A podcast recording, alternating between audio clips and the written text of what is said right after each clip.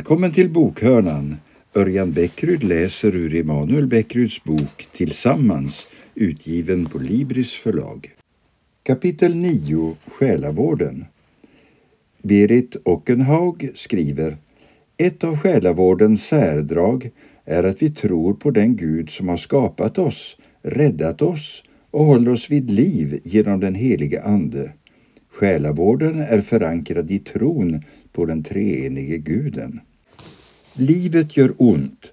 Det finns en smärta inbyggd i tillvaron och den kristna tron varken blundar för eller undviker denna smärta.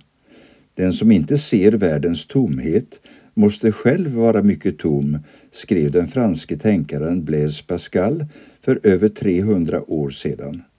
Aposteln Paulus å sin sida talar om tomhetens välde och skapelsens slaveri under förgängelsen. Och sånggruppen Gyllene Tider sjunger träffande.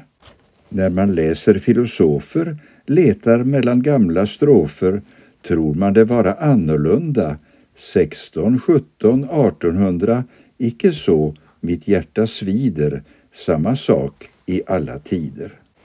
Vår Gud sitter inte på ett moln och konstaterar kallt att livet är tragiskt. Bibelns Gud sätter på sig arbetshandskarna och dyker rakt ner i vårt elände. I centrum för vår tro står ett kombinerat tortyr och avrättningsredskap, korset.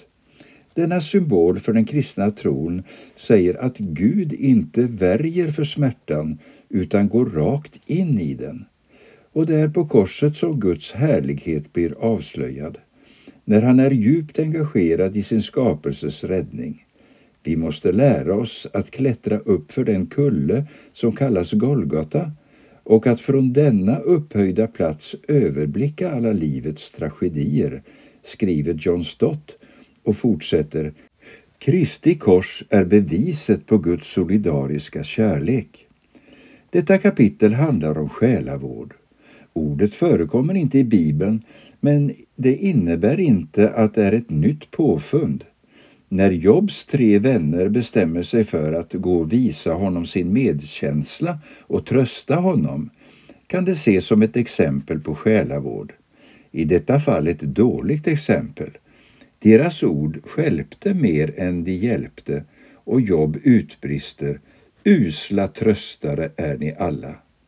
Jobs tre vänner står som ett varnande exempel för själavård som inte befriar utan istället tynger människor med ytterligare bördor. Omsorg. Omsorg är det mest grundläggande i all själavård. Här handlar det inte i första hand om ord utan om den attityd man intar. Den som mår dåligt är i underläge. När vi möter någon i nöd måste vi tänka på att inte dominera och kränka utan att lyhört och försiktigt närma oss. Bibelns ord om att vara snar att höra och sen att tala fångar det väl. Och i Ordspråksboken läser vi att svara innan man lyssnat är en dårskap och en skam. Det viktigaste är att lyssna. Alla kristna är kallade att visa omsorg. I en kristen församling gäller ett slags allmän värnplikt på det här området. Möter vi någon i nöd kan vi inte gömma oss bakom ursäkten ”jag är ingen själavårdare”. Alla är själavårdare i betydelsen att vi har ett ansvar att visa vardaglig omsorg om varandra. Någon har myntat uttrycket själavård vid köksbordet. För detta krävs ingen specialistutbildning, inga speciella förkunskaper. Det enda som krävs är kärlek och omtanke. Själavårdens kännetecken. Utöver den värnplikt jag nyss beskrivit har några en särskild kallelse att i en mer kvalificerad mening vara själavårdare.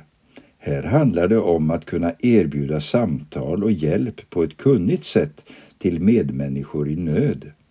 I själavården vid köksbordet är det viktigt att kunna lotsa någon vidare till en klok själavårdare om svårare saker dyker upp. Men vad är det egentligen som skiljer själavård från andra former av människovård?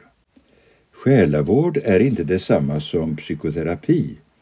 Psykoterapi är att hjälpa en människa utifrån psykologins teorier och metoder. Den fyller sin funktion men är inte samma sak som själavård. Själavård sker utifrån en specifik kristen världsbild.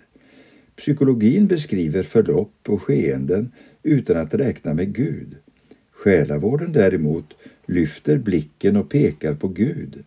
Livshändelserna laddas med en djupare innebörd. De tolkas utifrån en kristen världsbild med den treenige guden i centrum. Själavård är inte enbart en dialog utan en trialog. Själavård är mer än samtal utifrån en kristen världsbild. I själavården räknar man dessutom aktivt med Guds närvaro genom den heliga Ande. Gud är den tredje närvaron i samtalet.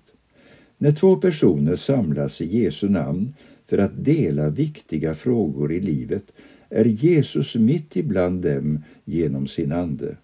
Därför kan man prata om trialog och bön kan vara en naturlig del i detta. Själavård sker i en församlingsmiljö. Själavård utövas i samtalet mellan två personer men är ändå hela församlingens angelägenhet. Den uttrycker vad det är att vara kristen gemenskap och som sådan kan den ha många former, alltifrån det som sker vid köksbordet till andlig vägledning.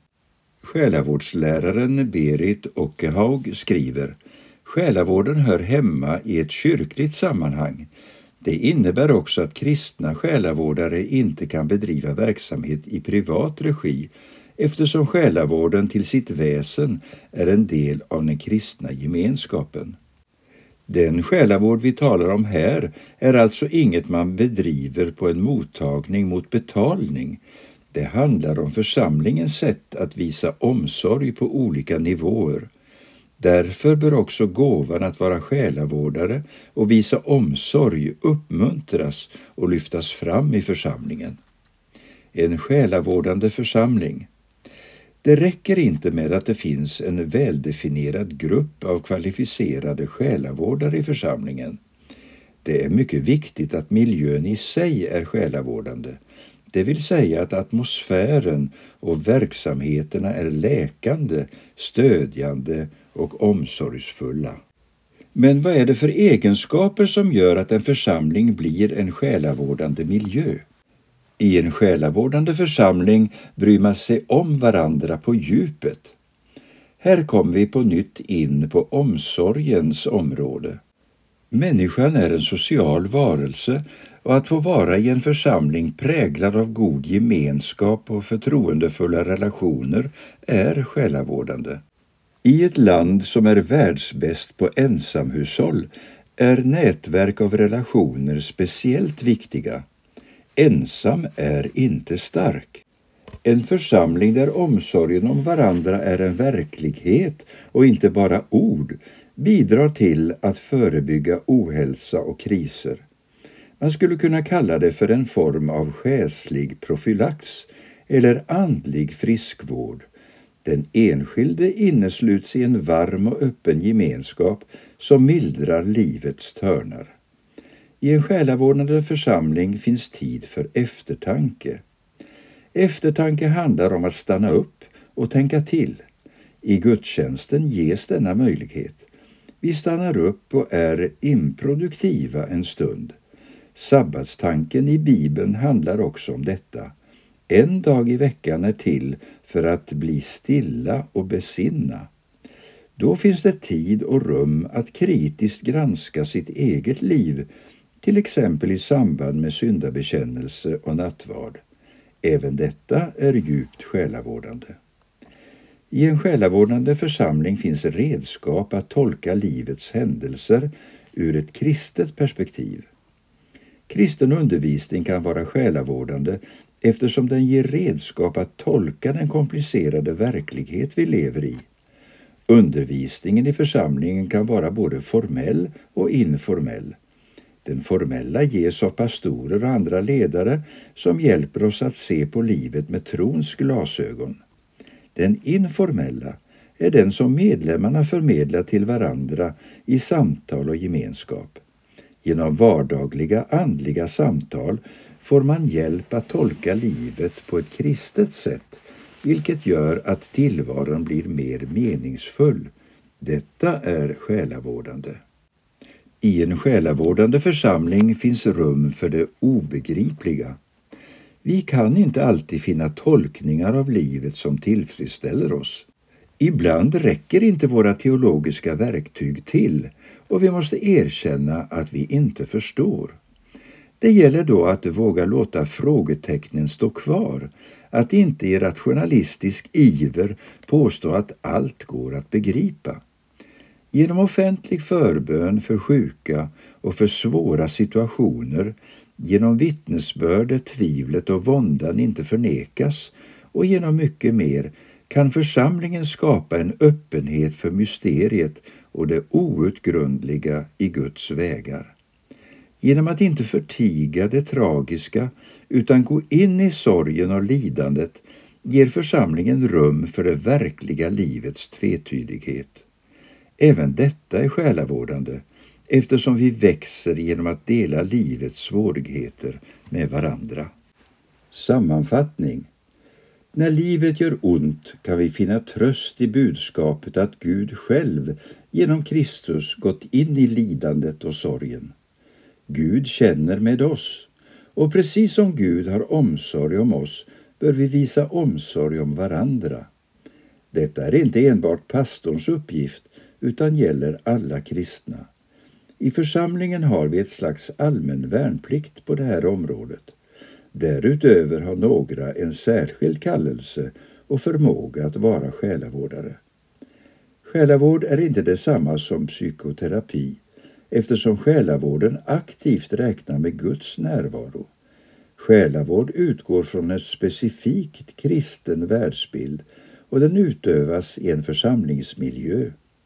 Det är viktigt att den miljön i sig är själavårdande, vilket bland annat innebär att man bryr sig om varandra på djupet och ger tid för eftertanke, att man i undervisning och gemenskap hjälper varandra att se på livet med trons glasögon samt att man inte förtiger det obegripliga i tillvaron utan tvärtom lyfter fram det.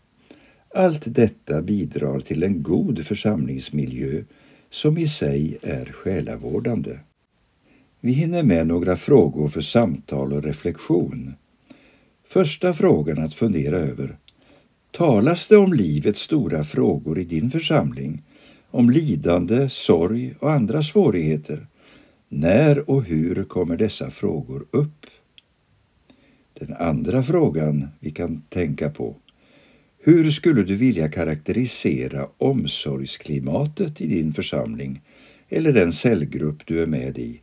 På vilket sätt är ni en själavårdande gemenskap? Den tredje frågan. I många församlingar är själavården enbart pastorns angelägenhet. Vad kan församlingen göra så att de som har tröstens gåva kommer i funktion och en bred själavård blir hela församlingens angelägenhet. Välkommen att fortsatt lyssna till uppläsningen ur Emanuel Bäckruds bok Tillsammans 19 livsviktiga saker kristna gör när de möts.